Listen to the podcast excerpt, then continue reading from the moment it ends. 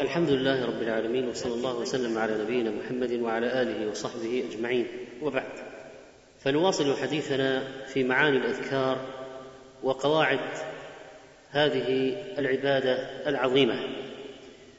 وقد تقدم أن من الأذكار ما يتعلق بالزمان ما يتعلق بالزمان ومنها ما يتعلق بالمكان ومنها ما يتعلق بالأحوال.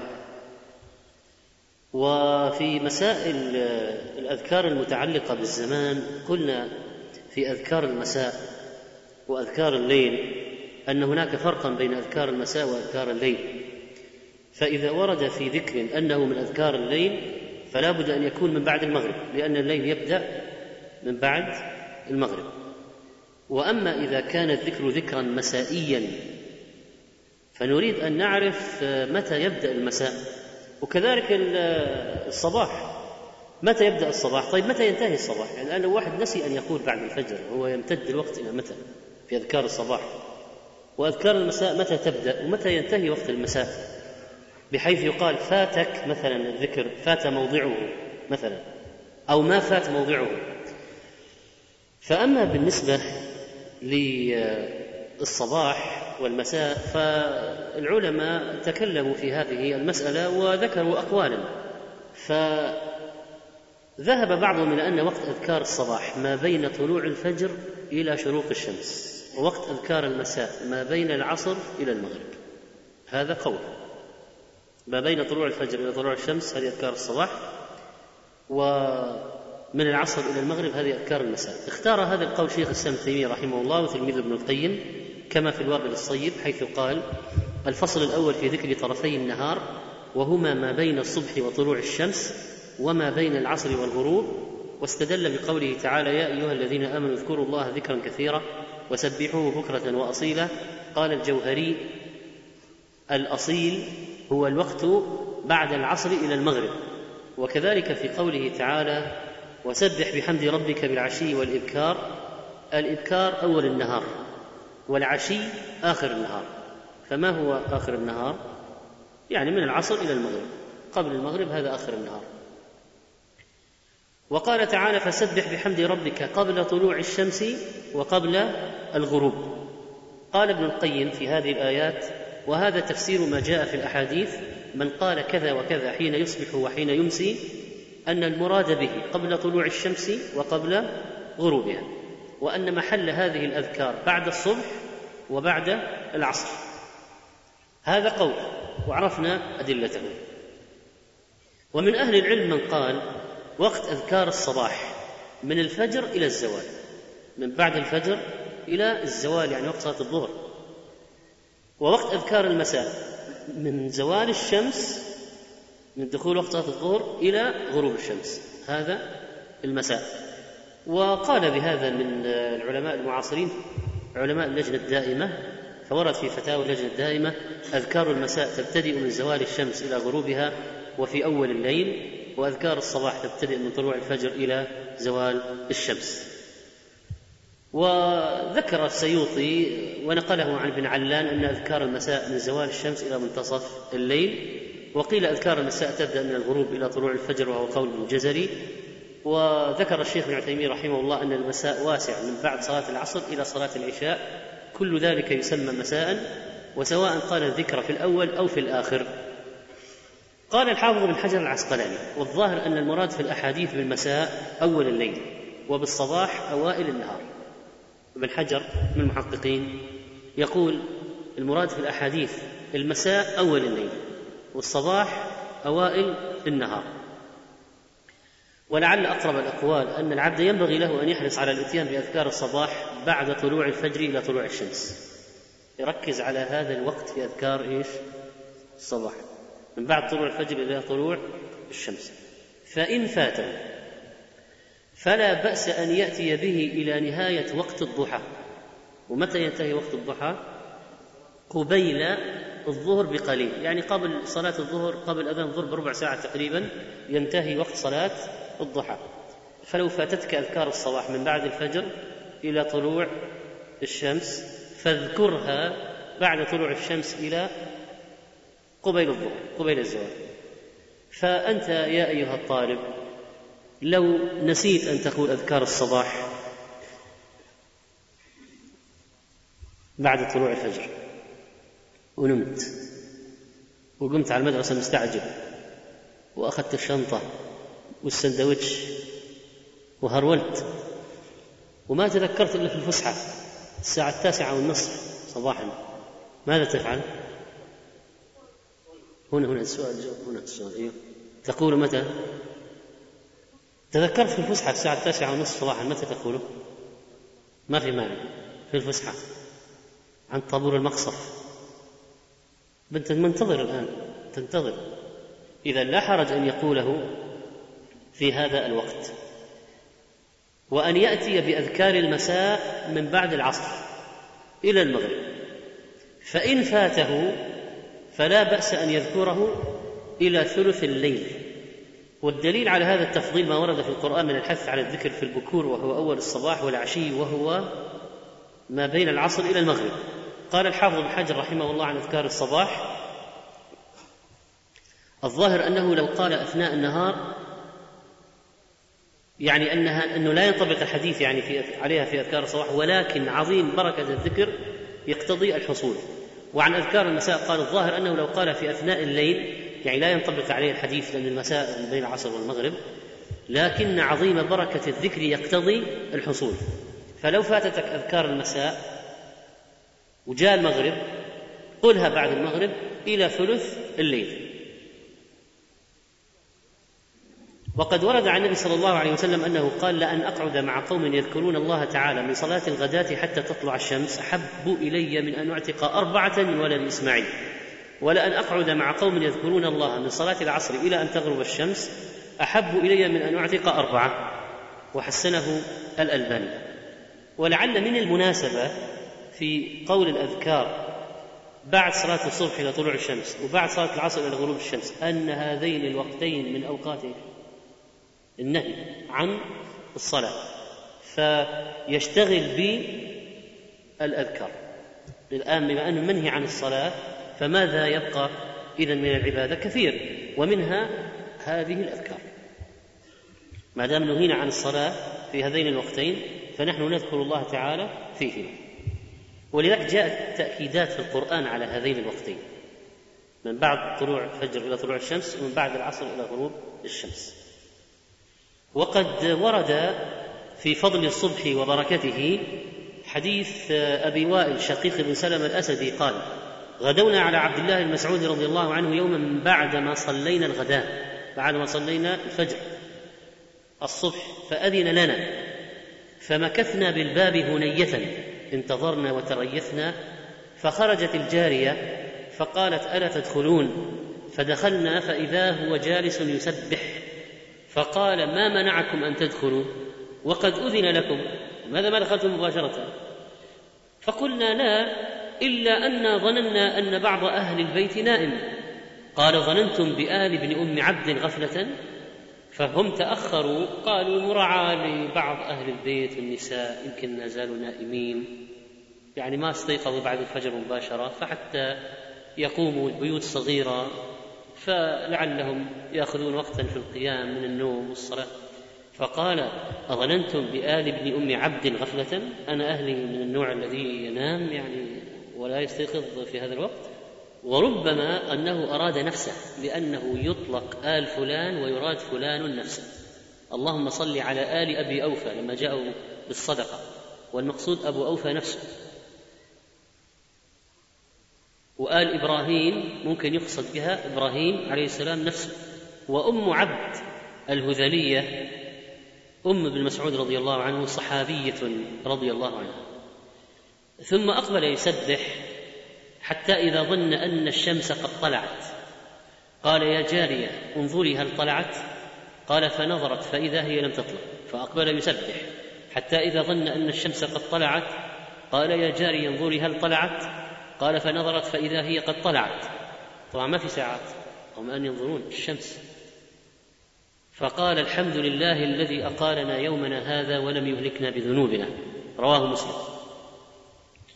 هذا الأثر يعطينا صورة واضحة عن تلك الحياة الجادة والهمة العالية واستثمار الوقت الذي كان عليه سلفنا الصالح وعلى رأسهم صحابة رسول الله صلى الله عليه وسلم بعد نبيهم وفقهم بفضائل هذه الأوقات وإعطائها حقها وهذا الوقت الذي دخل فيه أبو وائل رحمه الله ومن معه على عبد الله بن مسعود رضي الله عنه وقت مبارك وثمين للغاية وهو وقت ذكر لله ونشاط وهمة في الخير. وإن كان أكثر الناس الآن يهملونه وينامون بعد الفجر. ولا يذكرون الله إلى طلوع الشمس. ينامون ينامون. ولا يعرفون لهذا الوقت قدره. والمحافظة على الذكر في هذا الوقت يعني بعد طلوع الفجر إلى طلوع الشمس يعطي الذاكر قوة طيلة النهار وطيلة اليوم. وهذا الزاد كما قال ابن القيم حضرت شيخ الإسلام تيمية مرة بعد صلاة الفجر ثم جلس يذكر الله تعالى إلى قريب من انتصاف النهار ثم التفت إلي وقال هذه غدوتي ولو لم أتغدى هذا الغداء سقطت قوتي أو كلاما قريبا من هذا. ولذلك كان السلف رحمه الله يكرهون النوم في هذا الوقت. ويقول ابن القيم ومن المكروه عندهم أي عند السلف النوم بعد صلاة الصبح إلى طلوع الشمس. فإنه وقت غنيمة وللسير في ذلك الوقت عند السالكين مزية عظيمة. حتى لو ساروا طيلة ليلهم يعني طيلة الليل قيام لم يسمحوا بالقعود عن السير ذلكم الوقت حتى تطلع الشمس. فإنه أول النهار ومفتاحه. ووقت نزول الأرزاق هذا الوقت من بعد الفجر إلى طلوع الشمس.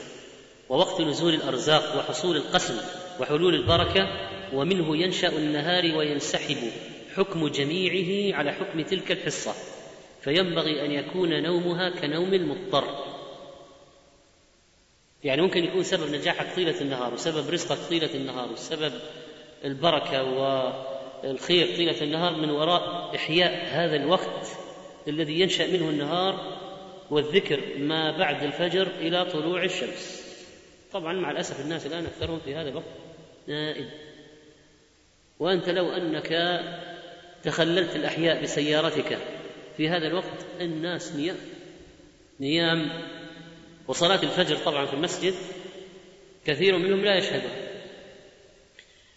الناس الآن كلهم رجعوا من الأعمال كلهم موجودون في البيوت. كل الناس الآن موجودين في البيوت. سياراتهم شاهدة على ذلك. كل واحد سيارته تحت العمارة وتحت البيت. ومع ذلك صلاة الفجر عد. بالنسبة لما في البيوت نسبة لا تذكر. وهذا الوقت العظيم اللي فيه البركة وتقسيم الأرزاق يذهب علينا. بعدين يقول ما كفى الراتب؟ طيب. قال ابن القيم رحمه الله في زاد المعاد ونوم الصبحة يمنع الرزق لأن ذلك وقت تطلب فيه الخليقة أرزاقها وهو وقت قسمة الأرزاق فنومه حرمان إلا لعارض أو ضرورة. ذكرنا في معاني الأذكار بعض ما يتعلق بالصلاة قبل الصلاة وأثناء الصلاة وبعد الصلاة. ومن الصلوات العظيمة صلاة الاستخارة ولها ذكر ودعاء خاص. إذا هم أحدكم بالأمر فليركع ركعتين الحديث. يجوز أن يقوله قبل السلام من ركعتين أو بعد السلام. وأي ركعتين من غير الفريضة فهي تصلح للاستخارة سواء تحية مسجد أو سنة راتبة أو ركعتين من قيام الليل. أو ركعتين خاصة لأجل الاستخارة أو ركعتي وضوء. كل ذلك يصلح. حتى لو قلت الدعاء قبل السلام أو بعد السلام ظاهر الحديث بعد السلام لكن يصح أن يكون قبل السلام أيضا كما أشار إلى ذلك شيخ الإسلام رحمه الله. والنبي عليه الصلاة والسلام كان يعلمها أصحابه كما يعلمهم السورة من القرآن يعني اعتناء بالغ. وله صلاة قبله لأن المراد بالاستخارة حصول الجمع بين خيري الدنيا والآخرة. وهذا يناسب قرع باب الملك بأدب. وحال يناسب الطلب. ولا شيء أرفع في قرع باب المولى من الصلاة. لما فيها الجمع بين التعظيم له والثناء عليه والافتقار إليه في الحال والقول. وقد علم النبي صلى الله عليه وسلم امته هذا بدلا من فعل الجاهلية الزجر بالطير والاستقسام بالأزلام قبل أن يقدموا على الشيء. هكذا كانوا يفعلون. فعوضنا بهذا الدعاء الذي فيه توحيد وافتقار إظهار الفقر لله والحاجة. تعلم ولا أعلم تقدر ولا أقدر وعبودية وتوكل على من بيده الحسنات لا يأتي بها إلا هو. والخير بيده وعنده ولا يملكه إلا هو ولا يصرف السيئات إلا هو ولا يبعد الشر إلا هو ولا يمنع الضر إلا هو. إذا فتح لك باب رحمة ما يستطيع أحد حبسه عنك. وإذا أمسك عنك خيرا فلا يستطيع أحد أن يوصله إليك. هذا دعاء بإقرار بعلم الله وقدرة الله وتفويض الأمر إليه والاستعانة به والتوكل عليه. والتبري من الحول والقوة والاعتراف بالعجز وأن الأمور كلها بيده فهو ولينا وفاطرنا وإلهنا سبحانه. وهذا دعاء الاستخارة. فيه عجب في الالتجاء إلى الرب سبحانه وتعالى والتبرؤ من, من علم الإنسان علم نفسه وقدرة نفسه وقوة نفسه وإظهار الحاجة إلى الرب. وهذا من أسرار الإجابة أن تظهر فقرك وغناك وضعفك وقوته. هذه من أسرار الإجابة. وكذلك صلاة الجنازة وما فيها من الأدعية. ومنها اللهم اغفر لحينا وميتنا وشاهدنا وغائبنا وصغيرنا وكبيرنا. قال بعضهم كيف يسأل المغفرة للصغير ولم يذنب؟ لأنه صغير. فأجاب بعض العلماء بأن المقصود بالصغير الشاب والكبير الشيخ المسن. لأن الناس يقولون مات صغير. فلان يقول مات صغير. تو صغير عمره عشرين سنة. وبعضهم قال للذنوب التي قضيت لهم أن يصيبوها بعد الانتهاء إلى حال الكبر وهذا فيه غرابة. ولذلك ابن حجر رحمه الله قال هذا الإشكال في غير محله لأنه مبني على مقدمة متوهمة وهي أن طلب المغفرة تستدعي سبق ذنب. فهل السؤال طلب المغفرة من الله يستدعي أن يكون الإنسان قد أذنب قبل طلب المغفرة؟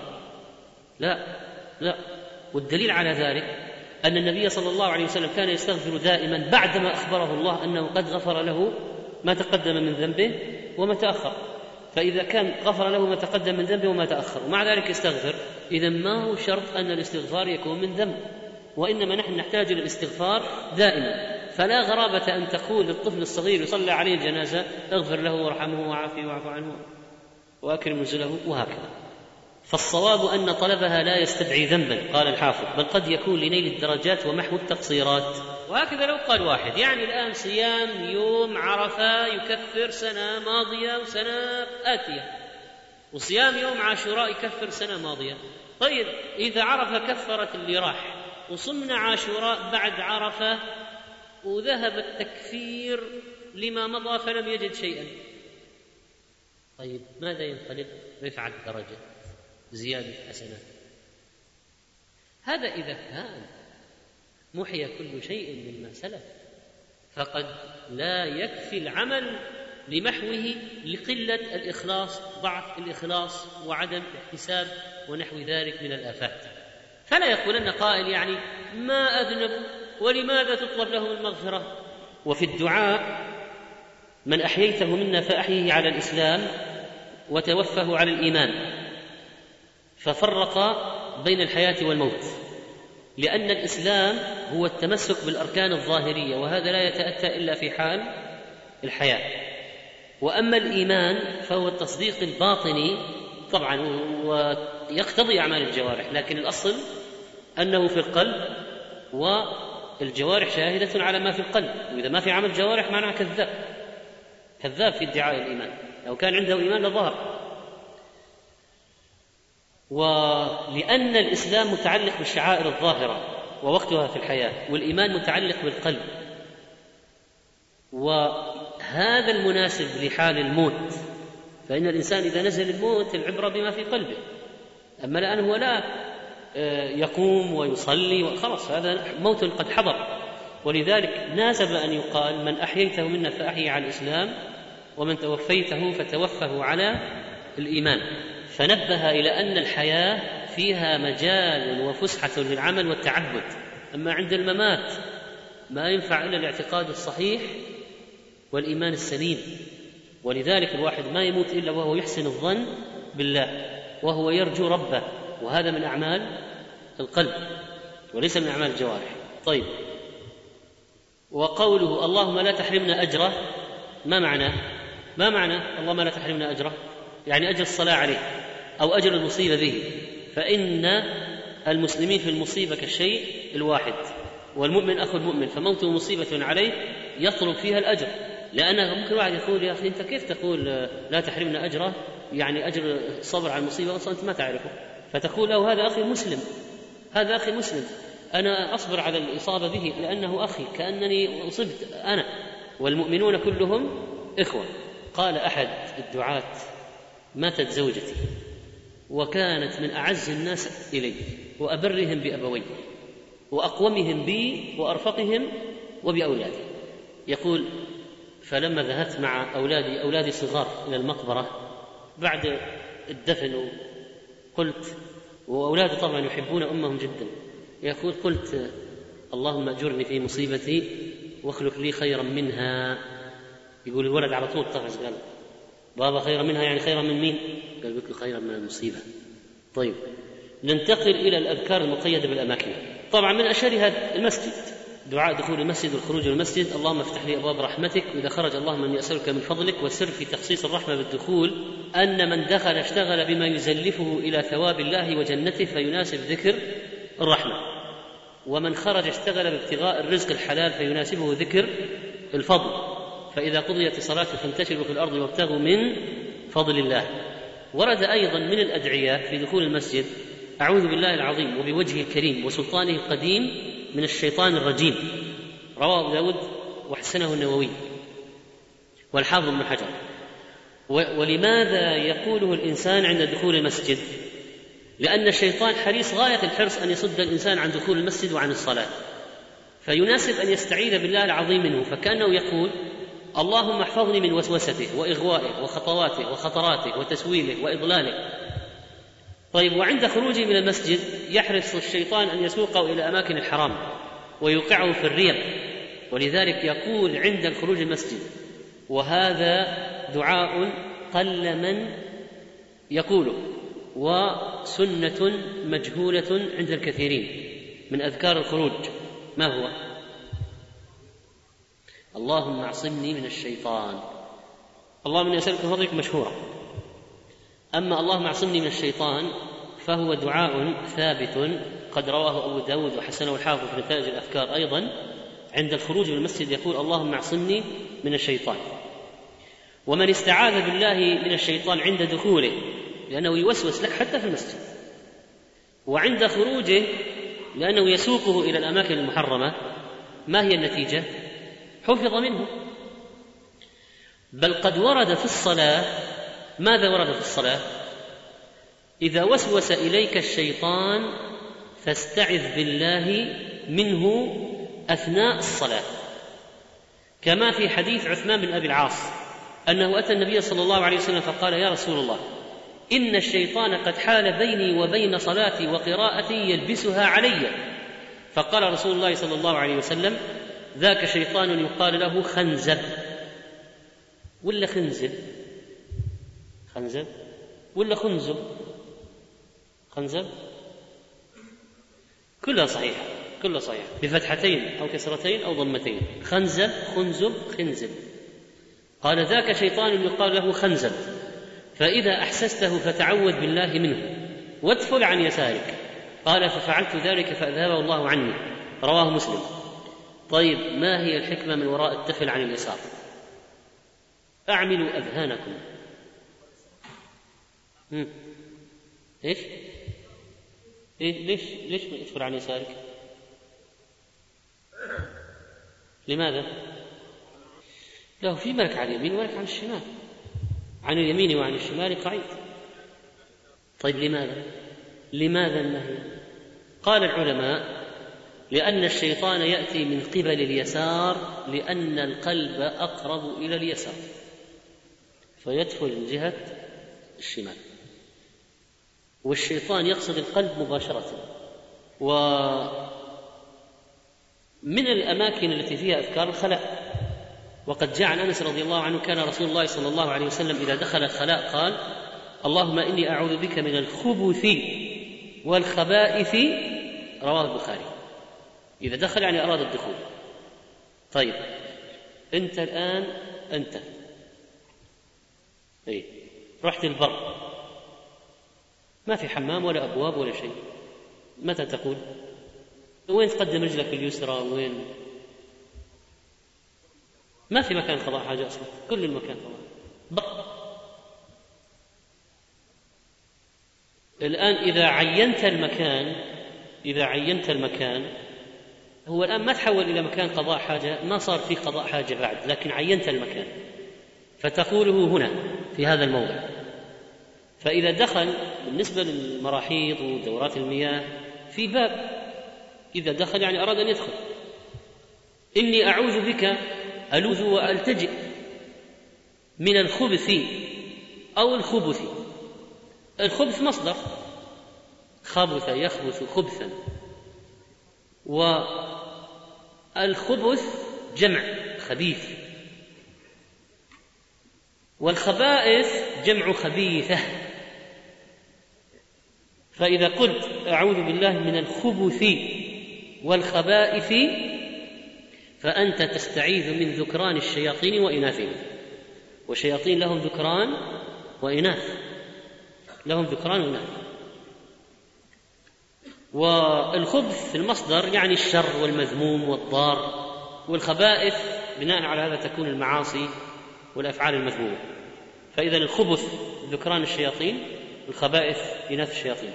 الخبث المصدر وهو الشر والمكروه والخبائث المعاصي والخمر أم الخبائث.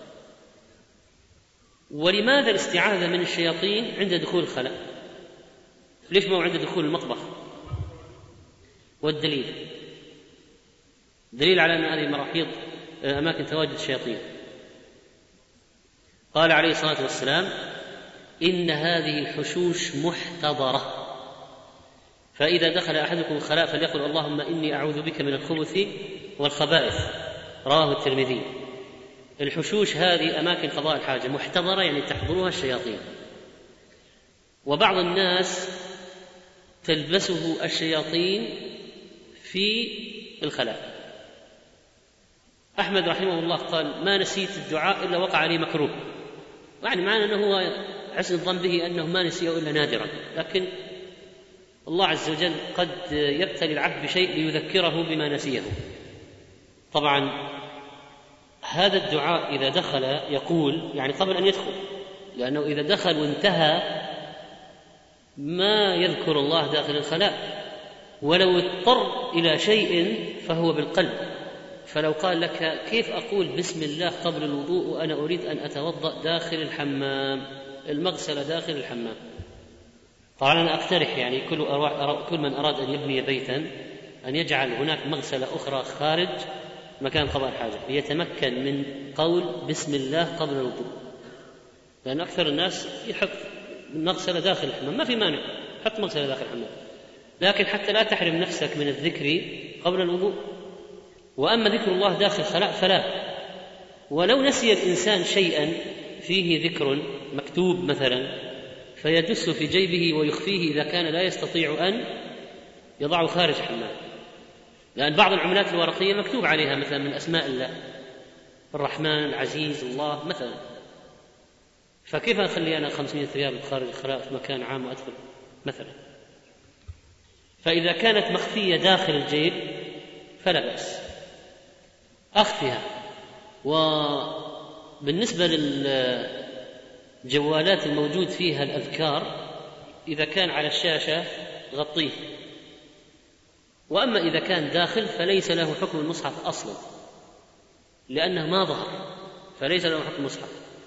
فبناء عليه أنت يجوز تدخل إيه يا صاحب الطاقية. هل يجوز أن تدخل الخلاء وفي جيبك شريط قرآن مسجل؟ شريط كاسيت هذا. اللي في المسجل مكتوب يجوز تدخل فيه؟ لماذا؟ تستطيع تقرأه في الشريط؟ تشوفه؟ لا هو القرآن مسجل في الداخل. أنت ما تشوف. فلذلك شريط القرآن ليس له حكم المصحف فيجوز أن يمس شريط القرآن على غير طهارة وتمسكه الحائض. ولو دخل به بيت الخلاء لا يضر لأنه ليس فيه شيء ظاهر. وأما مكان قضاء الحاجة فلا يذكر الله فيه. وواحد من المغفلين دخل الحمام مكان قضاء الحاجة وصاحبه برا في المغاسل. فاللي في المغاسل عطس قال الحمد لله. قال له هذاك يرحمك الله. قال يا جاهل كيف تذكر الله في داخل الحمام؟ ما يجوز ما تدري. قال والله العظيم. قال طبعا. قال استغفر الله استغفر الله. ذكر لنا شيخنا عبد الرحمن براك فائدة في عدم ذكر الله في كل دورة المياه يعني سواء كان المغاسل أو التي فيها الأبواب لأن يعني بعض دورات المياه مقسومة نصفين. نصف في حجرات صغيرة بأبواب والجزء الآخر في مراوش أو في مثلا آه، صنابير مياه. بس كله مكتوب عليه خارج دورة مياه للرجال مثل المطارات دورة مياه للنساء. فقال كله لا يذكر الله فيه كأنه رأى أن المكان واحد. وكان سبب السؤال أن بعضهم قد أثار مسألة أنه يوجد داخل دورات المياه في بعض الأماكن سماعات في المبنى إذا أذن السماعة داخل دورة المياه. فقال الشيخ تفصل تفصل. طيب. دعاء الخروج من الخلاء. كان النبي صلى الله عليه وسلم إذا خرج من الخلاء قال غفرانك. روت عائشة رضي الله عنها هذا الحديث وهذا في فضل أمهات المؤمنين اللاتي كن ينقلن أخبار النبي عليه الصلاة والسلام أولا بأول. والأخبار الدقيقة المفصلة الداخلية التي لا يطلع عليها إلا الزوج وزوجته. فمن فوائد زواج النبي عليه الصلاة والسلام بهذا العدد من النسوة نقل أخباره. قال النووي وجاء في الذي يقال عقب الخروج من الخلاء أحاديث كثيرة ليس فيها شيء ثابت إلا حديث عائشة المذكور غفرانك. يعني أسألك غفرانك. فالسؤال الآن ما هي المناسبة بين الخروج من الخلاء وطلب المغفرة؟ يعني لماذا يطلب المغفرة عندما يخرج من الخلاء؟ غفرانك عن الانقطاع عن ذكرك؟ طيب أيضا لما تخلص من أذية الجسد تذكر التخلص من أذية الإثم. فقال غفرانك فخفف عني أذية الإثم كما خففت عني أذية الجسم في أذية الجسم وأذية الإثم فتخلص من أذية الجسم فناسب أن يطلب التخلص من أذية الإثم وشيء الشيء يذكر. وقيل إن القوة البشرية قاصرة عن الوفاء بشكر ما أنعم الله تعالى من تسويغ الطعام والشراب واستفادة الجسم منه والتخلص من الفضلات. لأن التخلص من الفضلات نعمة عظيمة وبعض الناس ما يستطيع إلا بأنبوب أنبوب. وبعض الناس يجعلون له حافظات خاصة وأشياء من مواد. لماذا؟ لخلل مرض فإذا التخلص من الأذى نعمة وتحتاج شكر ونحن مقصرون عن الشكر فيناسب أن نستغفر عن هذا التقصير وعن خولة بنت حكيم السلمية أنها سمعت رسول الله صلى الله عليه وسلم يقول إذا نزل أحدكم منزلا فليقل أعوذ بكلمات الله التامات من شر ما خلق فإنه لا يضره شيء حتى يرتحل منه رواه مسلم. هذا أيضا من أذكار الأماكن. قال القرطبي رحمه الله وهذا خبر صحيح وقول صادق علمنا صدقه دليلا وتجربة. فإني منذ سمعت هذا الخبر عملت به فلم يضرني شيء إلى أن تركته. فلدغتني عقرب بالمهدية ليلا. فتفكرت في نفسي. يعني كيف لدغتني العقرب؟ فإذا بي قد نسيت أن أتعوذ بتلك الكلمات.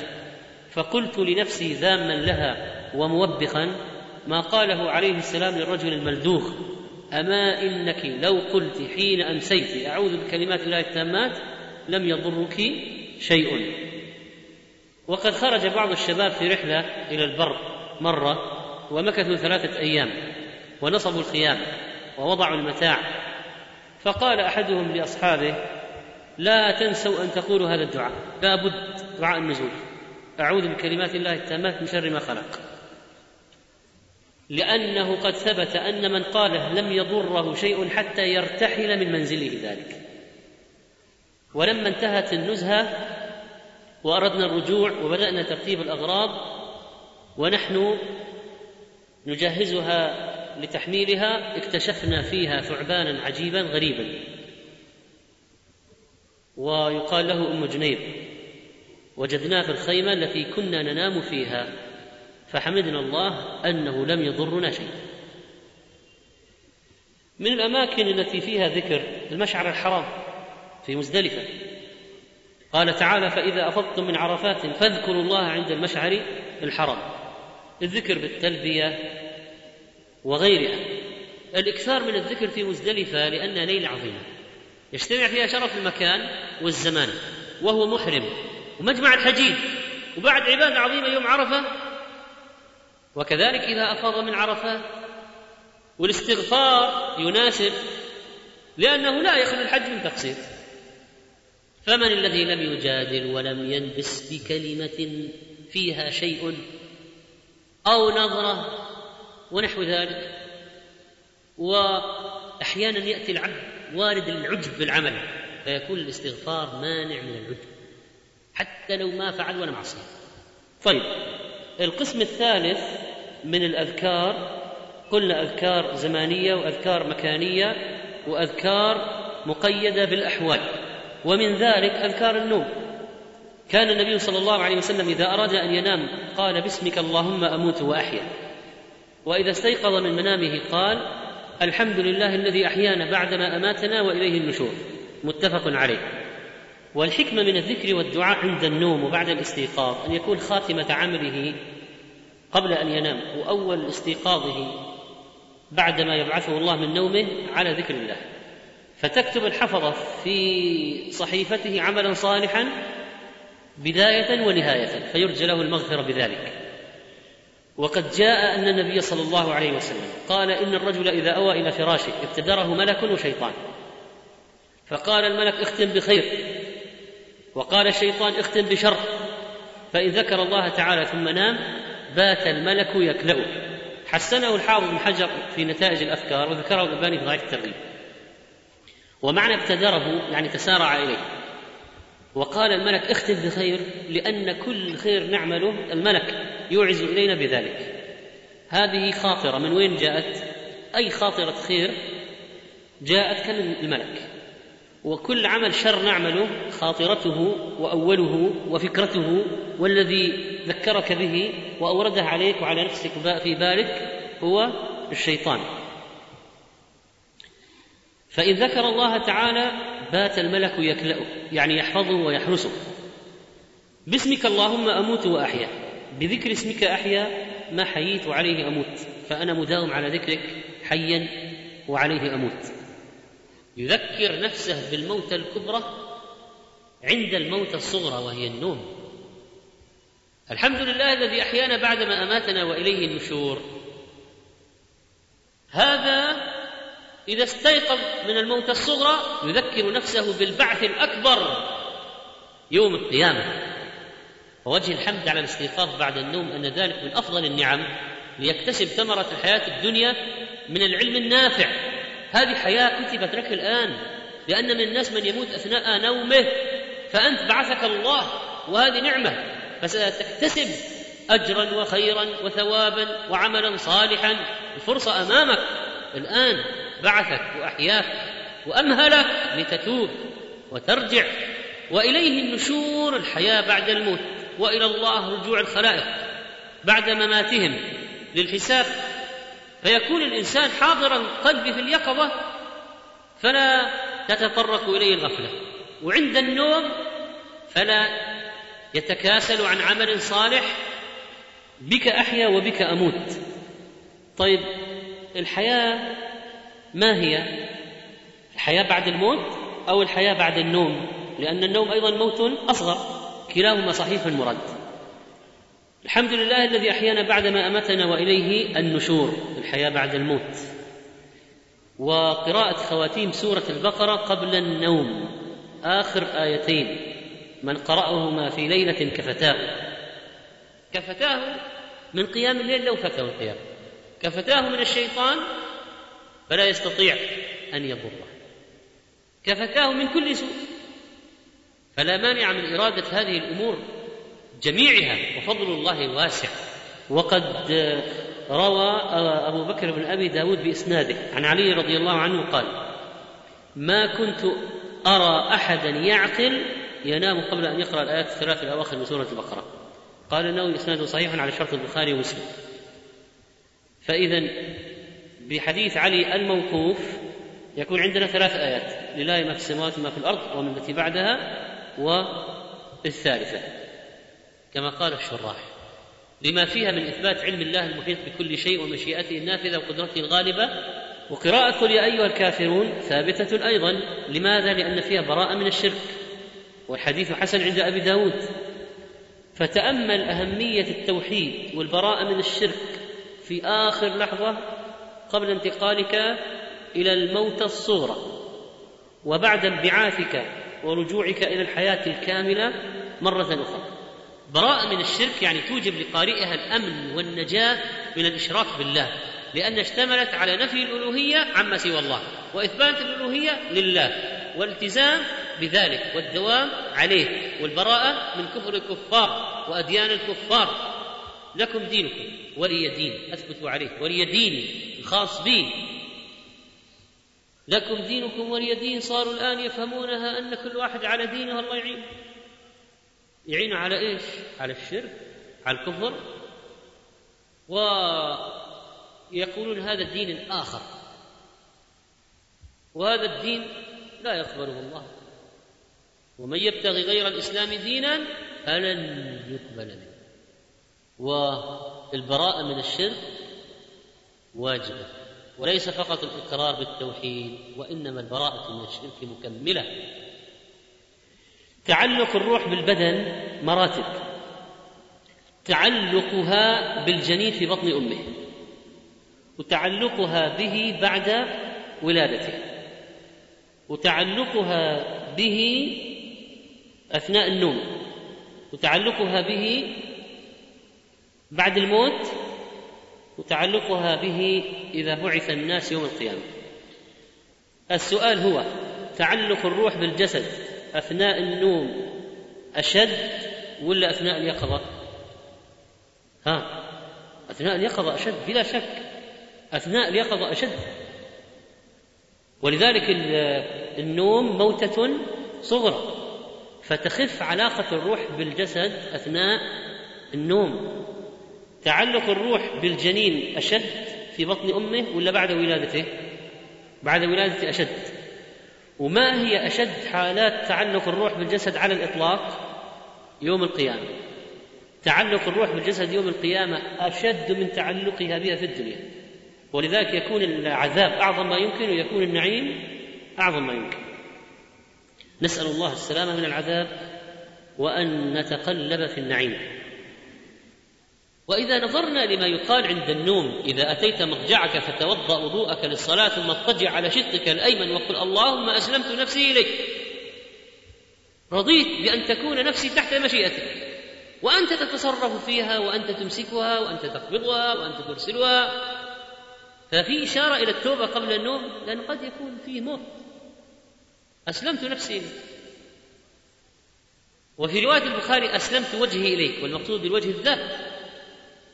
لأن الوجه جزء من الذات. أسلمت نفسي إليك وفوضت أمري إليك توكلت عليك جميع شؤوني وألجأت ظهري إليك. إنه يأوي إلى ركن شديد وألجأت ظهري إليك. أعتمد عليك في حفظي. والله خير حافظا وهو أرحم الراحمين. قال رغبة ورهبة إليك. هذه علة لما سبق. لماذا يفعل ذلك؟ رغبة ورهبة. أسلمت وجهي فوضت أمري ألجأت ظهري رغبة طمعا في ثوابك رهبة مخافة عذابك. لا ملجأ ولا منجى منك إلا إليك لا مهرب ولا مخلص من عقوبتك إلا بالفرار إليك. ففي إشارة إلى قوله تعالى ففروا إلى الله قال آمنت بكتابك الذي أنزلت القرآن الكريم. وهذا الرسول صلى الله عليه وسلم. فإن مت مت على الفطرة الإسلام فاجعلهن آخر ما تقول. ولو احتجت إلى كلام ممكن تعيد هذا الذكر يجعلون آخر موضع والنبي صلى الله عليه وسلم كان إذا أراد أن يرقد وضع يده اليمنى تحت خده ثم يقول اللهم قني عذابك يوم تبعث عبادك. وحسنه الحافظ رحمه الله. وهذا فيه اعتراف بالتقصير في ذلك الموضع لأنه يمكن أن يكون آخر العمر لأن هناك ناس يموتون الموتى الكبرى أثناء الموتى الصغر. وكان عليه الصلاة والسلام يقول أيضا إذا أوى إلى فراشه الحمد لله الذي أطعمنا وسقانا وكفانا وآوانا. ماذا تتضمن هذه؟ اعتراف بنعمة الله. كفانا دفع عنا المؤذيات. آوانا إلى مساكن لناس مشردون ينامون في الشوارع في البر هائمون على وجوههم أخرجوا من ديارهم في مخيمات أو في العراء. فكم ممن لا كافي له ولا مؤوي. كم ممن لا كافي له تسلط عليه الأعداء ساموه سوء العذاب أو شخص ما له مأوى يهيم في البوادي يتأذى في الحر والبرد. ومناسبة هذا للنوم أن الإنسان إذا دفع عنه الجوع والعطش والخوف وأمن الشرور والمكاره طاب له النوم. أما إذا كان طريدا خائفا جائعا فكيف يطيب له النوم؟ فهذه تذكر الإنسان بنعمة الله عليه. لأن بعض الناس يقولون ما عندنا ما عندنا ما عندنا شيء. ما عندك بيت تأوي إليه؟ يقول بلى عندي. كما أن سائلا جاء يسأل أحدا من السلف فقال له ما أملك شيء من الدنيا ولا شيء؟ قال تعطيني اصبعا بعشرة آلاف. قال لا. قال تعطيني يدك بخمسين الفا؟ قال لا. قال تعطيني عينك بخمسين الفا؟ قال لا. لأن دية العين خمسين ألف تعطيني أذنك بخمسين ألفا؟ قال لا. تعطيني رجلك بخمسين ألفا. تعطيني جفنك هذا. فكلما قال أو قال لا قال أنت تملك مئين الألوف وتقول ما عندي شيء. فالناس ينسون نعم الله عليهم. ولذلك الأذكار تذكرهم بنعم الله. أما الاستيقاظ الحمد لله الذي عافاني في جسدي ورد علي روحي وأذن لي بذكره لأن الروح يكون لها نوع انفكاك أثناء النوم. تفيض. الله يتوفى الأنفس حين موتها. لاحظ. عند النوم يقول الحمد لله الذي أطعمنا وسقانا وكفانا وآوانا. مناسب جدا للنوم. وأما آية الكرسي التي علمها الشيطان لأبي هريرة قبل النوم لن يزال معك من الله حافظ. ملك أو أكثر. حافظ. لن يزال معك من الله حافظ. ملك واحد أو أكثر. سبب لحفظك في بدنك ومالك ودينك. ولا يقربك شيطان تأكيد للحفظ. لأن الملك إذا بات معه في شعاره ودثاره وفراشه الملك ترى يبيت مع من يذكر الله يبيت معه في الفراش. يبيت معه في الفراش. فإذا دخل الملك معك في الفراش وكان على رأسك يحرسك أيضا ما يقترب الشيطان ولذلك قال في الحديث ولا يقربك شيطان لأن الملك إذا وجد الشيطان يطرد ويذهب ولا يستطيع أن يؤذي. ولذلك روى ابن أبي داود عن أبي هريرة رضي الله عنه أنه قال ما أرى أحدا يعقل دخل في الإسلام ينام حتى يقرأ آية الكرسي. قال حافظ سنده حسن. وكان النبي عليه الصلاة والسلام إذا أخذ مضجعه من الليل قال بسم الله وضعت جنبي. اللهم اغفر لي ذنبي وأخسئ شيطاني وفك رهاني واجعلني في الندي الأعلى. رواه أبو داود. هذا الحديث يبين الدعاء بهذه الكلمات مبتدئا بسم الله فيها التبرك والاستعانة. حتى النوم بسم الله.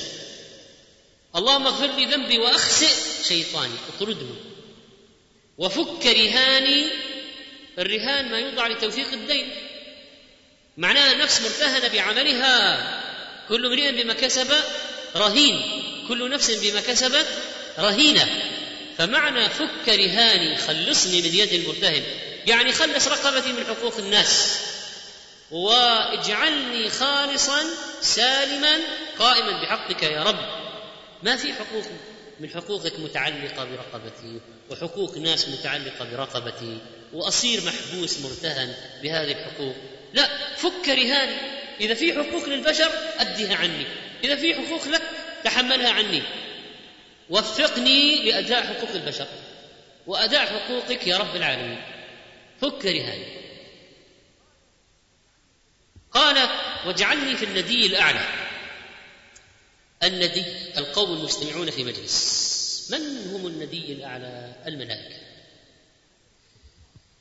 مناسبة للنوم واضحة. لما كان النوم وإراحة البدن يستعان به على طاعة الله والابتعاد عن المعصية طلب منه عند النوم أن يعينه على طاعته بفك رهانه وإبعاد الشيطان عنه. وإبعاده عن المعصية. بطرد هذا الشيطان. وطلب القرب من الملأ الأعلى. الملائكة. أنت تنام ما تدري ماذا يحدث. وتحدث أشياء كثيرة عند النوم بعد النوم. وناس أرواحهم تبيت في حشوش الشياطين. وناس أرواحهم في الندي الأعلى. تحلق. إذا قام رد الله روحه. وهو يحمد الله أنه رد إليه روحه. فلما يستيقظ يقول الحمد لله الذي عافاني في جسدي ورد علي روحي. رد علي روحي معناه حصل نوع من الانفصال. التعلق باقي وإلا يعني مات خلاص. لكن صار فيه نوع من الانفصال. وهكذا المناسبة في آه، المعافاة وهي من الألفاظ العامة التي تشمل دفع المكروهات عن البدن وعن الباطن وفي الدين والدنيا والآخرة. عافاني. يعني جعل جسدي ذا عافية وهذه العافية دفع جميع المكروهات في البدن والباطن في الدين والدنيا والآخرة. ومن الأدعية في الأحوال للمسافر كان النبي صلى الله عليه وسلم إذا أراد أن يودع أحد من أصحابه قال أستودع الله دينك وأمانتك وخواتيم عملك. رواه الترمذي وحديث صحيح. أستودع الله دينك. الله إذا استودع شيئا يحفظه سبحانه. أستودع الله دينك. حفظ الدين في البداية. مقدم. ومقدم على الأمانة لأهميته واهتماما به. وحيث أن السفر موضع خوف أو خطر وقد يصاب الشخص تحصل له مشقة وتعب وقد يهمل بعض الأمور المتعلقة بالدين من الصلاة وغيرها بعض الناس ينقص دينهم أثناء السفر. فقال استودع الله دينك. بعض الناس يسافرون إلى أماكن حرام. وأمانتك وخواتيم عملك. قد يموت في السفر هذا. خواتيم عملك. ولذلك دعا له بهذا. الصلاة أمانة. الطهارة أمانة. بعض الناس في السفر تنقص أماناته. فلفت النظر إلى هذا ودعا له بأن يحفظ الله دينه وأمانته وخواتيم عمله. وجاء رجل النبي صلى الله عليه وسلم فقال يا رسول الله إني أريد سفرا فزودني. قال زودك الله التقوى. قال زدني. قال وغفر ذنبك. قال زدني بأبي أنت وأمي. قال ويسر لك الخير حيثما كنت. وخير الزاد ما هو؟ التقوى لأن زاد المعاد. وغفر ذنبك جميع الذنوب وخاصة التي تقع في السفر. لأن الإنسان إذا غاب عن أهله وغاب عن من يعرفه ممكن يتطرق إليه الذنب أكثر. يقول من يعرفني في هذا المكان؟ ولذلك يجرؤون على ذنوب في الأسفار ما لا يجرؤون في الحضر. قال ويسر لك الخير حيثما كنت. من حج وغزو وطلب علم وطلب رزق وصلة رحم يسر لك الخير حيثما كنت حيثما توجهت. وعن ابن عمر رضي الله عنهما أن رسول الله صلى الله عليه وسلم كان إذا استوى على بعيره خارجا من سفر كبر ثلاثا ثم قال سبحان الذي سخر لنا هذا وما كنا له مقرنين. ما كنا له مطيقين وما كنا من المشركين به. سبحانه.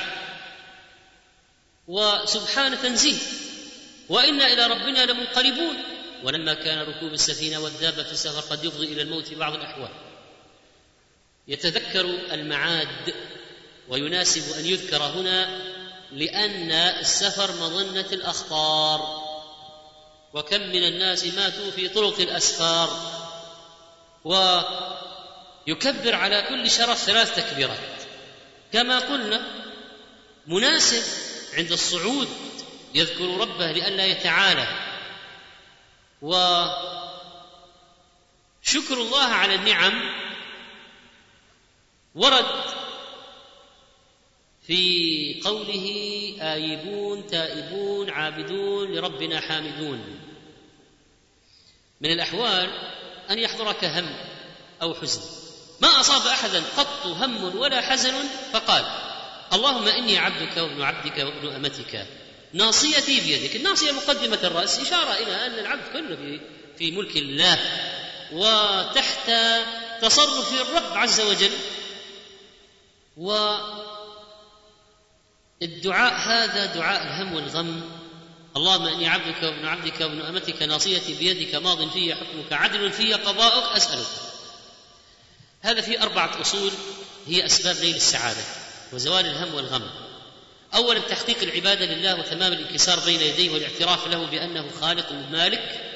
وهذا في قول اللهم إني عبدك وابن عبدك وابن أمتك. اظهارا للتذلل والخضوع اعترافا بالعبودية. ومن ملك رجلا ليس مثل من ملكه مع أبويه. اللهم إني عبدك وابن عبدك وابن أمتك. لو ملكت أنت عبدا ليس مثل ما لو ملكته وملكت أبويه. وصار عندك هو أبوه وامه كلهم عندك عبيد. فتقول اللهم إني عبدك وابن عبدك وابن أمتك. يعني أنا وأبوي وامي فأبلغ آكد في الاعتراف بالعبودية. ثانيا أن يؤمن العبد بقضاء الله وقدره وأن ما شاء كان وما لم يشاء لم يكن ولا معقب لله في حكمه ولا رد لقضائه. وهذا موجود في قوله ناصيتي بيدك ماض في حكمك عدل في قضاء الأصل الثالث أن يؤمن العبد بأسماء الله الحسنى وصفاته العظيمة الواردة في الكتاب والسنة ويتوسل بها إلى الله. وذلك في قوله أسألك بكل اسم هو لك. سميت به نفسك أو علمته أحدا من خلقك أو أنزلته في كتابك أو استأثرت به في علم الغيب عندك. الأصل الرابع العناية بالقرآن الكريم. شوف هذه أصول السعادة الآن. كلام الله المتضمن للهداية والشفاء والكفاية والعافية. والعبد كلما عظم اعتناؤه بالقرآن زادت سعادته وزال همه. ولذلك قال أن تجعل القرآن ربيع قلبي ونور صدري وجلاء حزني وذهاب همي. والنبي صلى الله عليه وسلم كان كثيرا ما يستعيذ من الهم والحزن. الهم في المتوقع والحزن فيما فات. والعجز ضد القدرة والكسل التثاقل عن الأمر. وما يهلك الإنسان مثل العجز ما يستطيع يفعل أصلا أو الكسل يستطيع يفعل كمان في همة. ناس عندها طاقة بس ما تشتغل ناس عندها قدرة لكن لا تعمل. مصيبة. والبخل ترك أداء الواجبات المالية والجبن ضد الشجاعة وضلع الدين شدة الدين ولا سيما المطالبات. ما دخل هم الدين قلبا إلا أذهب منه العقل. وغلبة الرجال قهرهم وتسلطهم. هذا الدعاء من جوامع الكلم. و فيه الاستعاذة من الرذائل النفسانية والبدنية والخارجية. داخلية وخارجية. كسل عجز بخل جبن. وفي آه غلبة الدين قهر الرجال.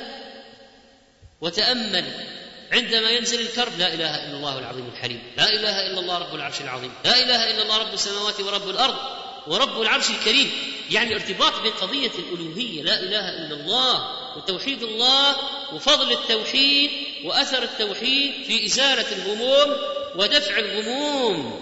فلا تكلني إلى نفسي ولا إلى غيري طبعا وإنما أتكل عليك. وهكذا تجد لا إله إلا أنت سبحانك إني كنت من الظالمين. في إزالة الكرب. أثر الاعتراف لله بالألوهية في إزالة الكرب عظيم. بعض الناس لا يدرك الصلة بين لا إله إلا الله وبين زوال الهم والغم والكرب الذي ينزل به. وكان عليه الصلاة والسلام يحمد ربه الحمد لله الذي بنعمته يتم الصالحات إذا جاءه ما يسره. وعند القتال يا أيها الذين آمنوا اذكروا الله ذكرا كثيرا لأنه يثبت القلب وعند وسوسة الشيطان الاستعاذة بالله منه آه، عن سهيل قال أرسلني أبي إلى بني حارثة ومعي غلام لنا فناداه مناد من حائطه باسمه وأشرف الذي معي على الحائط فلم يرى شيئا. يعني من الذي ناداه مصدر خفي. الشياطين لهم نوع من الإيذاء والإخافة بمثل هذا. فذكرت ذلك لأبي. لاحظ سهيل يقول أنا رحت مع الغلام في صوت جانا من وراء آه، جدار بستان ونادانا باسم بالاسم بالاسم واللي معي طلع الحائط ما شاف أحد ما رأى أحد من وين جاء الصوت؟ فذكرت ذلك لأبي فقال لو شعرت أنك تلقى هذا لم أرسلك ولكن إذا سمعت صوتا فنادي بالصلاة يعني أذن فإني سمعت أبا هريرة يحدث عن رسول الله صلى الله عليه وسلم أنه قال إن الشيطان إذا نودي بالصلاة ولى وله حصاص يعني شدة العدو أو الضراط الصوت الذي لا يجعل يسمع صوت الأذان وهو يولي هاربا. يعني هذا دل ابنه على أنه إذا يعني وجد مثل هذا وجد مثل الشياطين لها كيد ولها إيذاء إذا وجد مثل هذا أذن. والأذان يطرد الشيطان ولا يسمع صوت المؤذن جن ولا إنس ولا شيء إلا شهد له يوم القيامة. ومن الأحوال أيضا التي وردت فيها أدعية الهم والحزن والكرب وإذا أتاه ما يسره وإذا أتاه ما يحبه وعند وسوسة الشيطان وعند الغضب وعند صياح الديك وعند نهيق الحمار وعند الطعام وفي ختام المجلس ومن صنع له معروف والتهنئة بالنكاح وإتيان الأهل ودخول السوق والدعاء على العدو وإذا خافه والتعزية والمريض والمقابر إذا زارها هذه أحوال وعند دفن الميت فهذه كلها أحوال ومن الأذكار العظيمة ما يقال في تلقين المحتضر وما يقوله قبل الموت. فقال رسول الله صلى الله عليه وسلم من كان آخر كلامه لا إله إلا الله دخل الجنة. فيستحب تذكير المحتضر بهذه الكلمة لتكون آخر ما يقول. ومن اللطائف التي وردت من كرامات السلف وأهل الحديث أهل السنة قصة الإمام أبي زرع الرازي رحمه الله عندما حضرته الوفاة. أبو زرع الرازي من كبار المحدثين وكبار حفاظ هذه الأمة. فيقول محمد بن مسلم بن وارة حضرت مع أبي حاتم الرازي عند أبي زرع الرازي. فحضر محمد بن مسلم وأبو حاتم عند الشيخ أبي زرع وهو في سياق الموت. فقلت لأبي حاتم تعال حتى نلقنه الشهادة. فقال أبو حاتم إني لاستحي من أبي زرع أن ألقنه الشهادة. ولكن تعال نتذاكر الحديث. يعني بدل من يقول له قل كذا فقال واحد الآخر إيش رأيك نجيب الحديث بالسند؟ نجيب حديث إيش؟ من كان آخر كلام لا الله دخل الجنة. نجيب السند لعل الشيخ يتذكر ويقولها قال محمد بن مسلم فبدأت فقلت حدثنا أبو عاصم النبيل قال حدثنا عبد الحميد بن جعفر وما استطعت أكمل ما استطعت. فقال أبو حاتم حدثنا محمد بن بشار حدثنا أبو عاصم النبيل عن عبد الحميد بن جعفر وما استطاع يكمل حتى كأنه ما قرأه ولا سمعه. فأشار إليهما أبو زرعة أن أجلساني وهو في النزع الان هو في النزع الآن. روحه تفيض حال احتضار. فأجلسه. فقال حدثنا محمد بن بشار. حدثنا أبو عاصم النبيل. قال حدثنا عبد الحميد بن جعفر عن صالح بن أبي عريب عن كثير بن مرة عن معاذ بن جبل قال رسول الله صلى الله عليه وسلم من كان آخر كلامه من الدنيا لا إله إلا الله وخرجت روحه مع الهاء وهذه قصة ثابتة أخرجها ابن أبي حاتم في مقدمة الجرح والتعديل والخليل في الإرشاد والحاكم في علوم الحديث والبيهقي في الشعب. هذه من كرامات المحدثين. ونجد ذكر الله عند الغضب كذلك. وأعوذ بالله من الشيطان الرجيم. لأنها تذهب كيد الشيطان. نجد مناسبة جميلة جدا للحمد عند العطاس والدعاء بالرحمة لمن حمد الله والدعاء بالهداية وصلاح البال ردا على ذلك المجمد. قال ابن القيم لما كان العاطس قد حصلت له بالعطاس نعمة ومنفعة بخروج الأبخرة المحتقنة التي لو بقيت ضرت. قال شرع له حمد الله على هذه النعمة مع بقاء أعضائه على التئامها وهيئتها بعد هذه الزلزلة التي زلزلت البلد وهي العطاس. قال فإن العطاس يحدث في الأعضاء حركة وانزعاجا ونقل العلامة بن مفلح رحمه الله عن الإمام بن هبيره أنه قال قال الرازي من الأطباء العطاس لا يكون أول مرض ابدا إلا أن تكون له زكمة. قال ابن هبيرة فإذا عطس الإنسان استدل بذلك من نفسه على صحة بدنه وجودة هضمه واستقامة قوته فينبغي له أن يحمد الله. ولذلك أمر النبي صلى الله عليه وسلم أن يحمد الله. طيب عند صياح الديك يسأل الله من فضله. لماذا رأى ملكا والله قادر أن يري حيوانات أشياء لا يراها الأدميون. وإذا سمعتم نهيق الحمار فتعوذوا بالله من الشيطان فانها رأت شيطانا. كأن السبب فاسال الله من فضله قال القاضي رجاء تأمين الملائكة على دعاء واستغفار الملائكة له. وشهادة الملائكة له. وإذا سمع نهيق الحمار التعوذ لما يخشى من شر الشيطان وشر وسوسته فيلجأ إلى الله. أعوذ بالله من الشيطان الرجيم. ومن رأى صاحب بلاء فقال الحمد لله الذي عافاني من ابتلاك به فضلني على كثير من خلق تفضيلا إلا عوفي من ذلك البلاء كائنا ما كان ما عاش.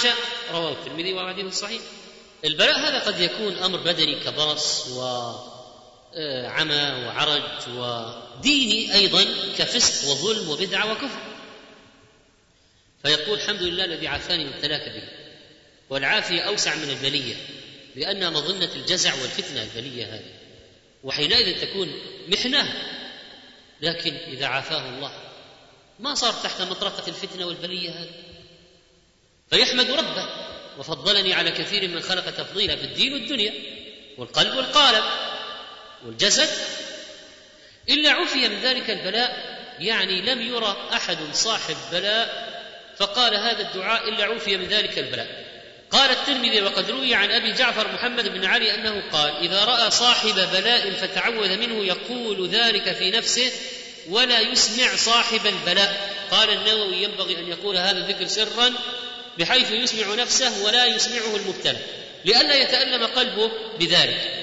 إلا أن تكون بليته معصية. كنت مررت بواحد عاصي على فسق فقلت الحمد لله الذي عافاني من تلاكم وجاهرت بها. زجرا له إذا لم تكن هناك مفسدة أكبر.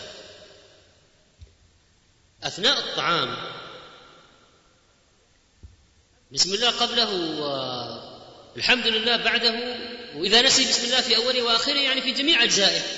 والدعاء وإن شرع ابتداء لمنع الشيطان من الطعام.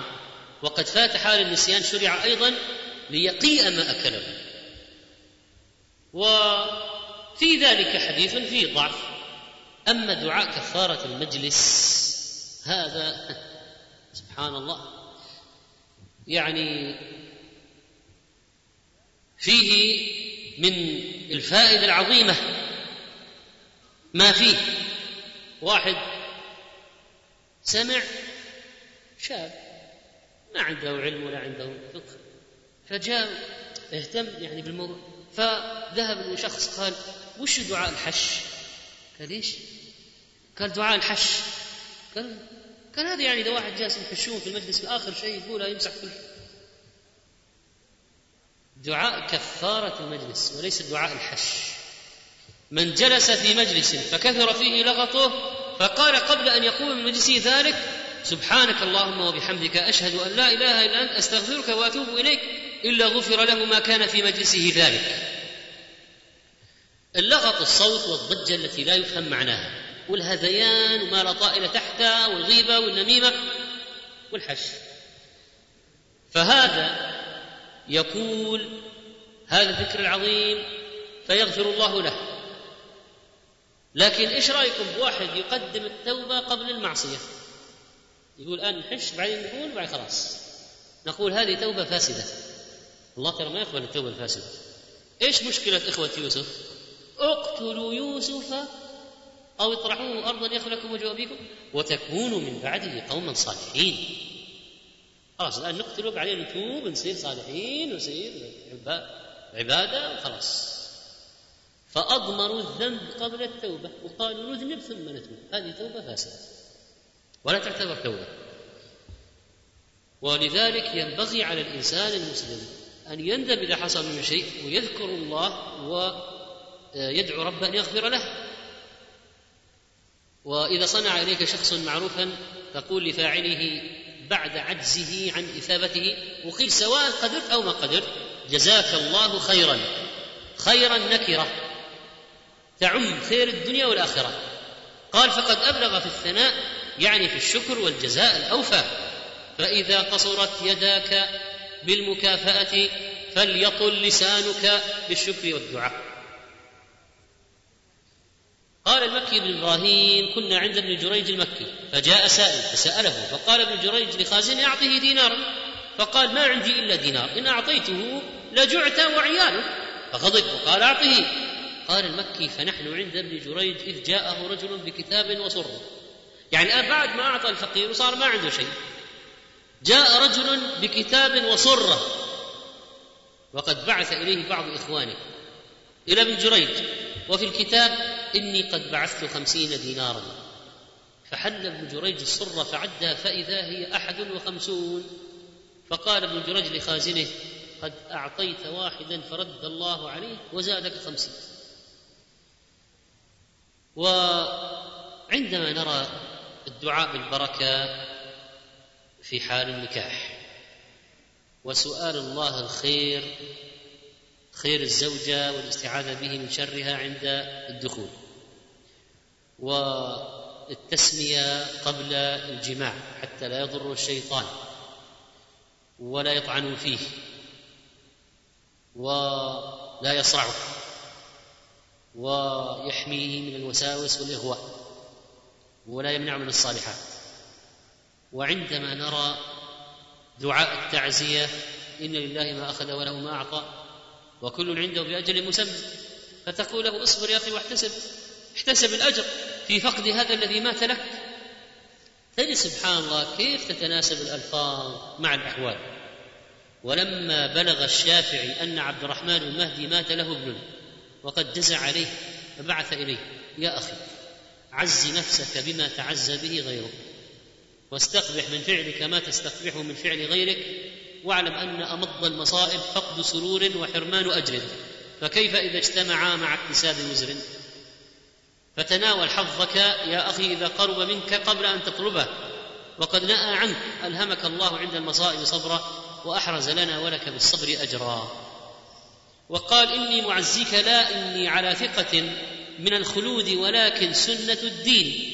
فمن معزى بباق بعد ميته ولا المعزي ولو عاش إلى حين أي كلام طيب يعني أحيانا ما يكون وارد في الأذكار ولكن آه الإنسان المسلم يعزي ويهنئ ويلاطف ويواسي وهكذا يكون حين المرض. تقول لا بأس لا شد عليك ولا هذا. ظهورا إن شاء الله. وعندما تأتي المقبرة السلام على أهل الديار من المؤمنين والمسلمين. ويرحم الله المستخدمين منا والمستأخرين. وإنا إن شاء الله بكم للاحقون. نسأل الله لنا ولكم العافية. لا تخرج أحوال الناس لزيارة القبور عن أربع حالات. أن يزور القبور ليدعو للأموات ويسأل الله لهم المغفرة والرحمة وليعتبر بحال الموتى وما آلوا إليه. وهذا يحدث عبرة وذكرى. اثنين أن يزورها ليدعو لنفسه ولمن أحب عندها معتقدا أن الدعاء في المقابر عند قبور الصالحين أفضل وأحرى بالقبول والإجابة وهذه بدعة منكرة. بدعة. ثلاثة أن يزورها ليدعو الله متوسلا بجاه الموتى أو حقهم وأسألك يا ربي بجاه فلان حق هذا الميت والولي. فهذه بدعة محرمة ووسيلة إلى الشرك.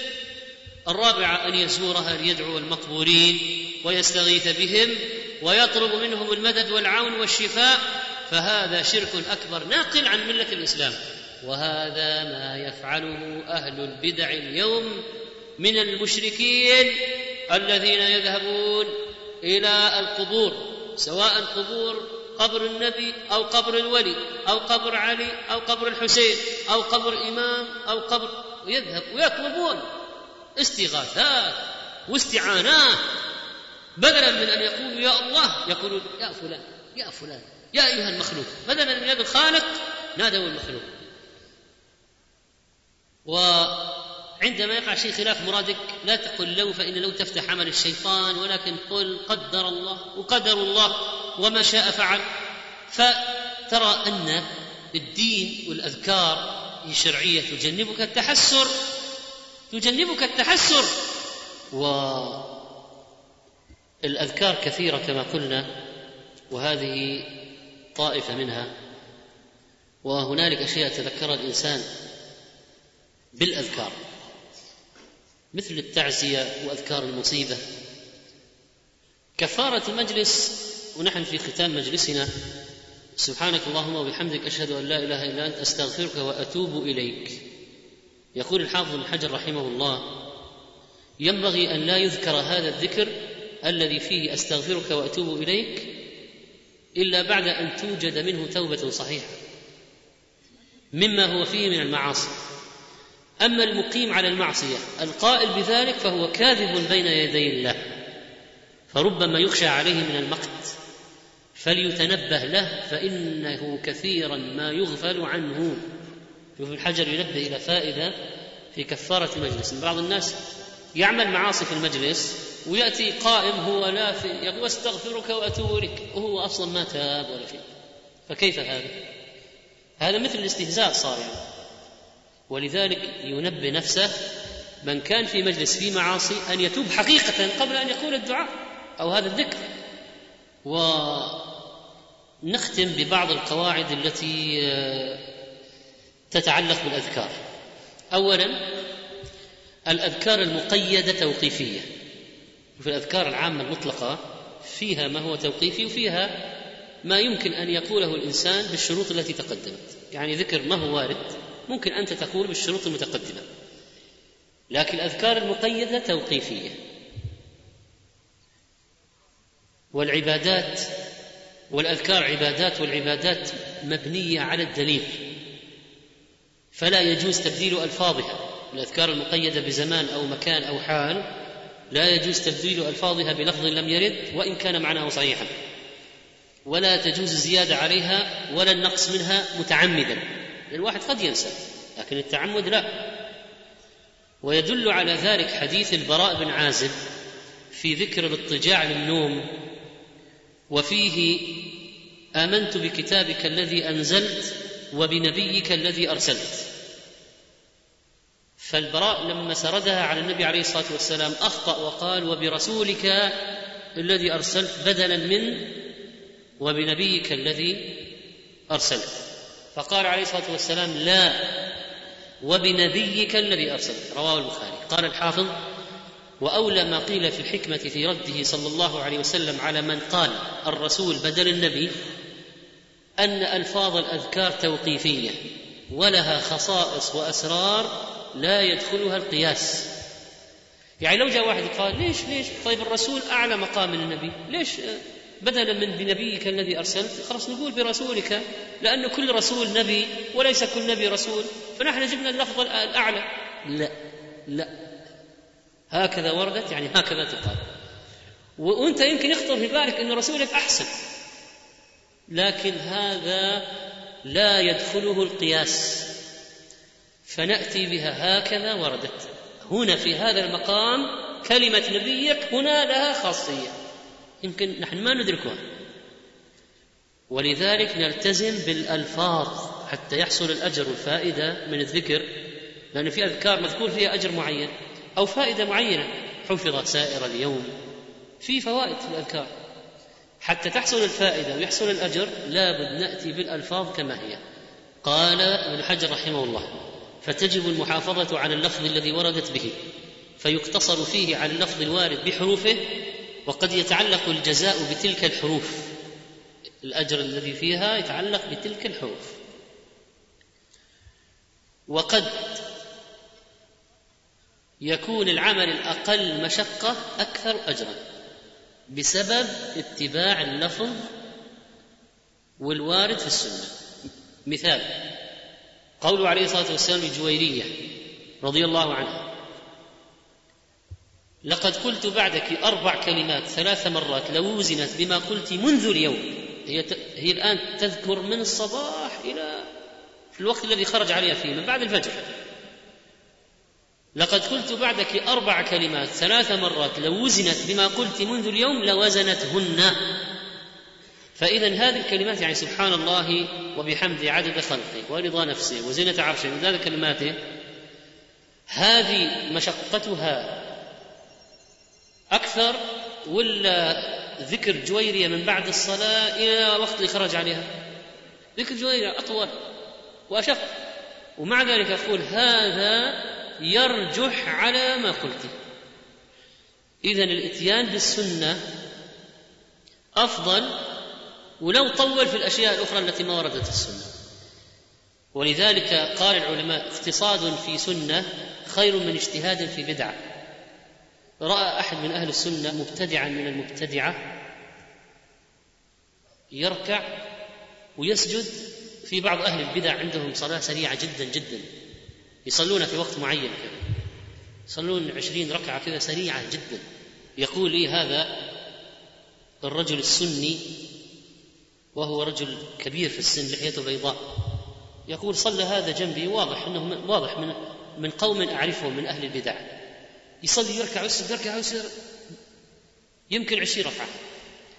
فبعد الصلاة قلت له ركعتان بخشوع وتؤدة كما وردت السنة خير من صلاتك هذه كلها. نقر الغراب. قال فقال لي كذا بوقاحة أرأيت الذي ينهى عبدا إذا صلى؟ فقلت له وجوه يومئذ خاشعة عاملة ناصبة تصلى نارا حامية. هذا رد. الرجل الذي ينهى عبدا إذا صلى صلى كما أمر الله. وهو صلى بالبدعة وهذول اللي يجتهدون في البدع يقول لك تقول يا لطيف 4444 مرة يا لطيف يا لطيف يا لطيف يا لطيف يا لطيف يا لطيف منك ومن شغلك هذا. لأن الآن هل يوجد في الأذكار الشرعية ذكر مشروع بالاسم المجرد؟ يعني تجي تقول الله الله الله الله الله. طبعا هذا ما هو موجود يعني. وبعضهم يقول هذا ذكر الخاصة ذكر خاصة الخاصة هو هو هو هو. لا إله إلا هو. يقول هو هذا ذكر خاصة الخاصة لكن لما تقول اللهم اغفر لي اللهم ارحمني سبحان الله هذا تنزيه الحمد لله الله أكبر لا حول ولا قوة إلا بالله. هذا كلام مفيد. مبتدأ وخبر مثلا. لكن الله الله الله. يا لطيف يا لطيف يا لطيف, يا لطيف. وبدع. رسائل جوال شغالة. أرسل عشر مرات وإذا ما ترسل عشر مرات في واحد ما أرسلها وصار في مصيبة. وفي واحد أرسلها وجاله ترقية. هؤلاء يريدون أن يحملوا الناس على نشر بدعهم. بمثل هذه التخويفات.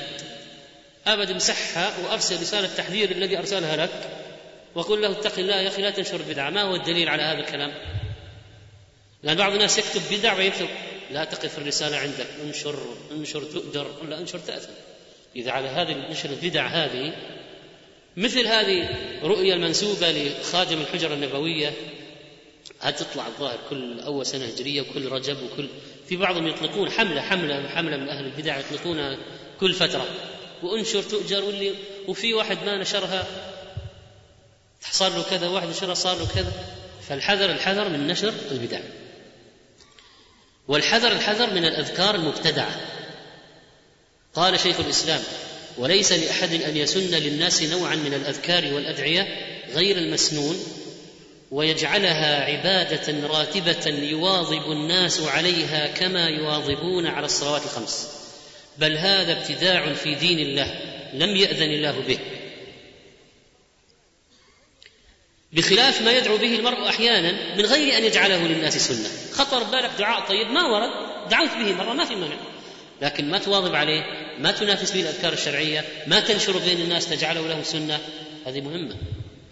وفي بعض رسائل الجوال الطويلة اللي تيجي في الوسائط رسائل الوسائط فيها أذكار أدعية طويلة جدا.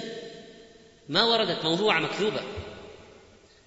وبعض الناس يقول هذا الدعاء يفرج الهموم ويشفي المريض ويرحمه لما كذا وإذا مات ويجيب لك وإذا كان طالب في الاختبار نجح وإذا كان تاجر كسب وربح وإذا كان وما يصيبك تفتح لك كل إشارات المرور خلاص إيه يعني من وين جبت؟ من أين أتيت بهذا؟ أشياء مكذوبة مخترعة. ولذلك قل أين روي؟ من في أي كتاب؟ من صححه؟ من قال به؟ أسندوا لنا حتى نعرف صحة ما تقولون. قال شيخ الإسلام ومن أشد الناس عيبا من يتخذ حزبا ليس بمأثور عن النبي صلى الله عليه وسلم وإن كان حزبا لبعض المشايخ ويدع الأحزاب النبوية يعني الأذكار النبوية التي كان يقولها سيد بني آدم وإمام الخلق وحجة الله على عباده. وقال الشيخ المعلمي رحمه الله الشيخ المعلمي عبد الرحمن المعلم اليماني من كبار العلماء المعاصرين. مات توفي رحمه الله. قال وما أخسر صفقة من يدع الأدعية الثابتة في كتاب الله عز وجل أو في سنة رسول الله صلى الله عليه وسلم فلا يكاد يدعو بها ثم يعمد إلى غيرها فيتحراه ويواظب عليه. أليس هذا من الظلم والعدوان؟ ومن الفوائد أيضا أن بعض الروايات أرجح من بعض في الأذكار فيتحرى الأرجح أما إذا استوت فإنك تعمل بها جميعا. وأيضا فإنه ينبغي أن يواطئ القلب اللسان.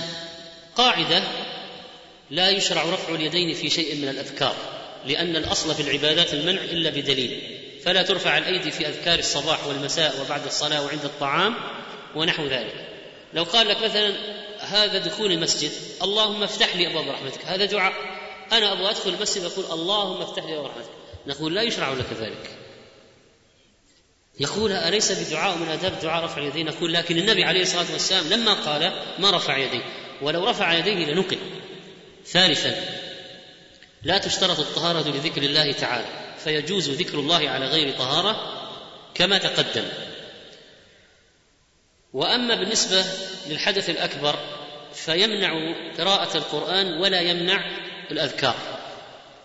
ولكن يستحب ذكر الله على طهارة سواء كان القرآن أو غير القرآن كما دل عليه حديث التيمم لرد السلام. فيجوز ذكر الله بالقلب واللسان للمحدث والجنب والحائض والنفساء تسبيحا وتحميدا وتهليلا وتكبيرا وصلاة على النبي صلى الله عليه وسلم ودعاء.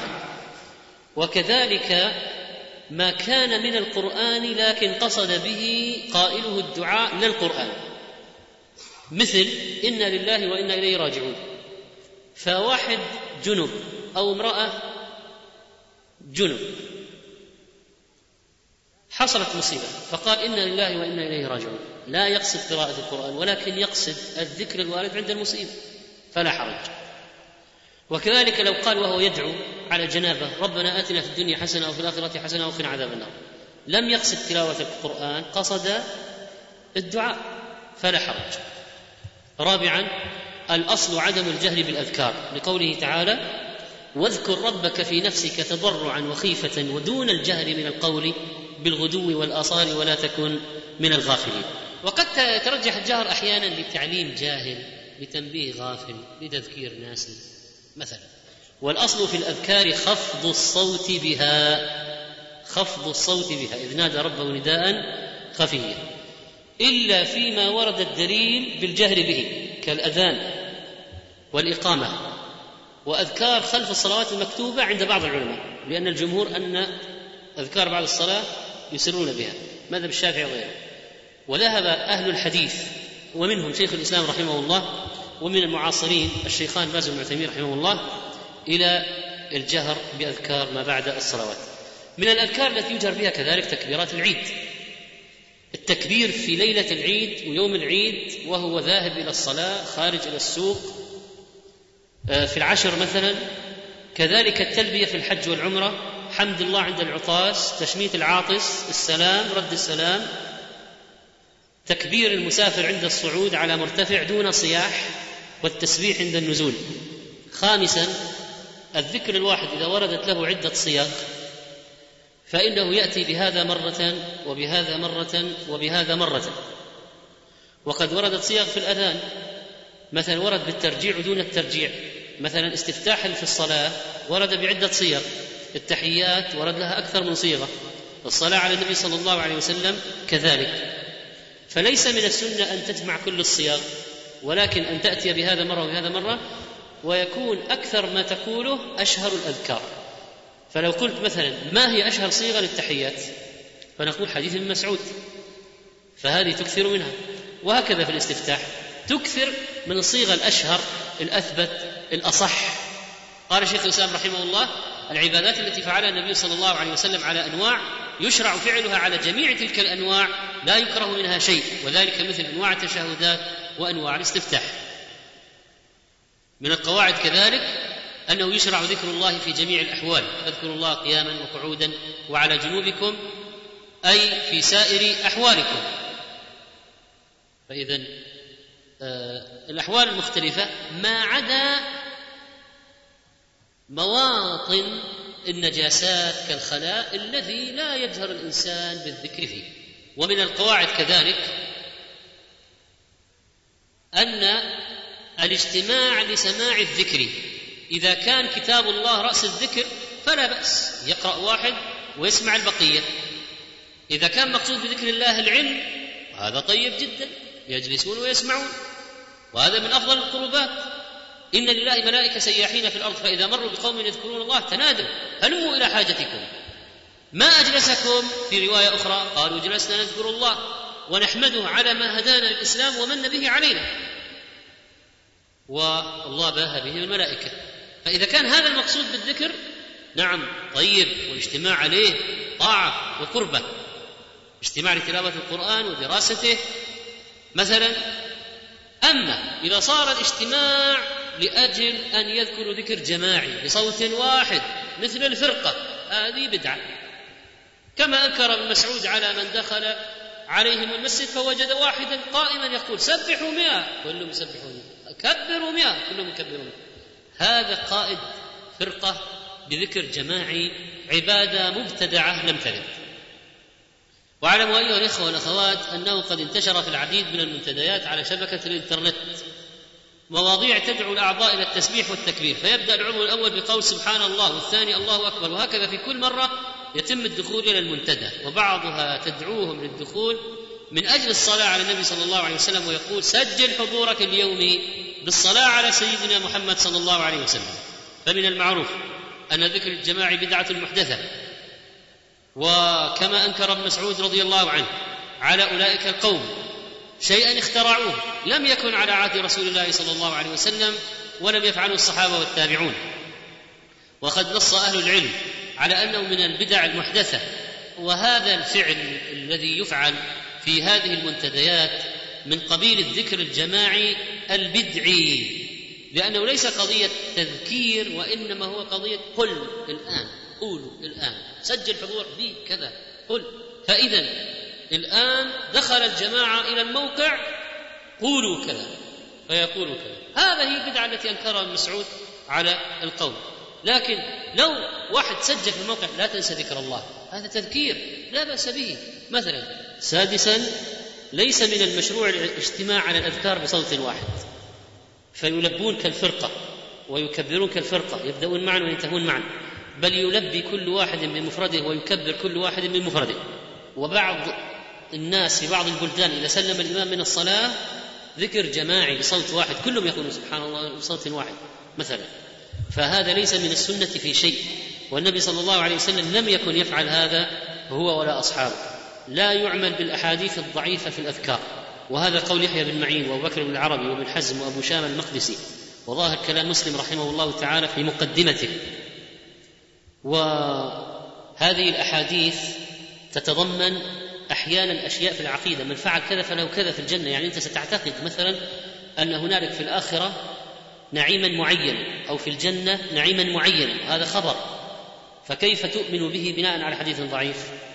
وإذا قال هذا من قال كذا فله أربعون حسنة أو مئة حسنة أو ألف حسنة.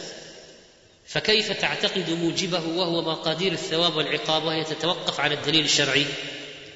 ولذلك لا يؤخذ بالأحاديث الضعيفة في الأذكار إذا لم تتقوى ببعضها. فهذه بعض القواعد المتعلقة بالأذكار. نسأل الله سبحانه وتعالى أن يعلمنا ما ينفعنا وأن ينفعنا بما علمنا وأن يزيدنا علما وأن يدلنا على الحق ويرشدنا إليه وأن يجعلنا بسنة النبي صلى الله عليه وسلم مستمسكين. والله تعالى أعلم.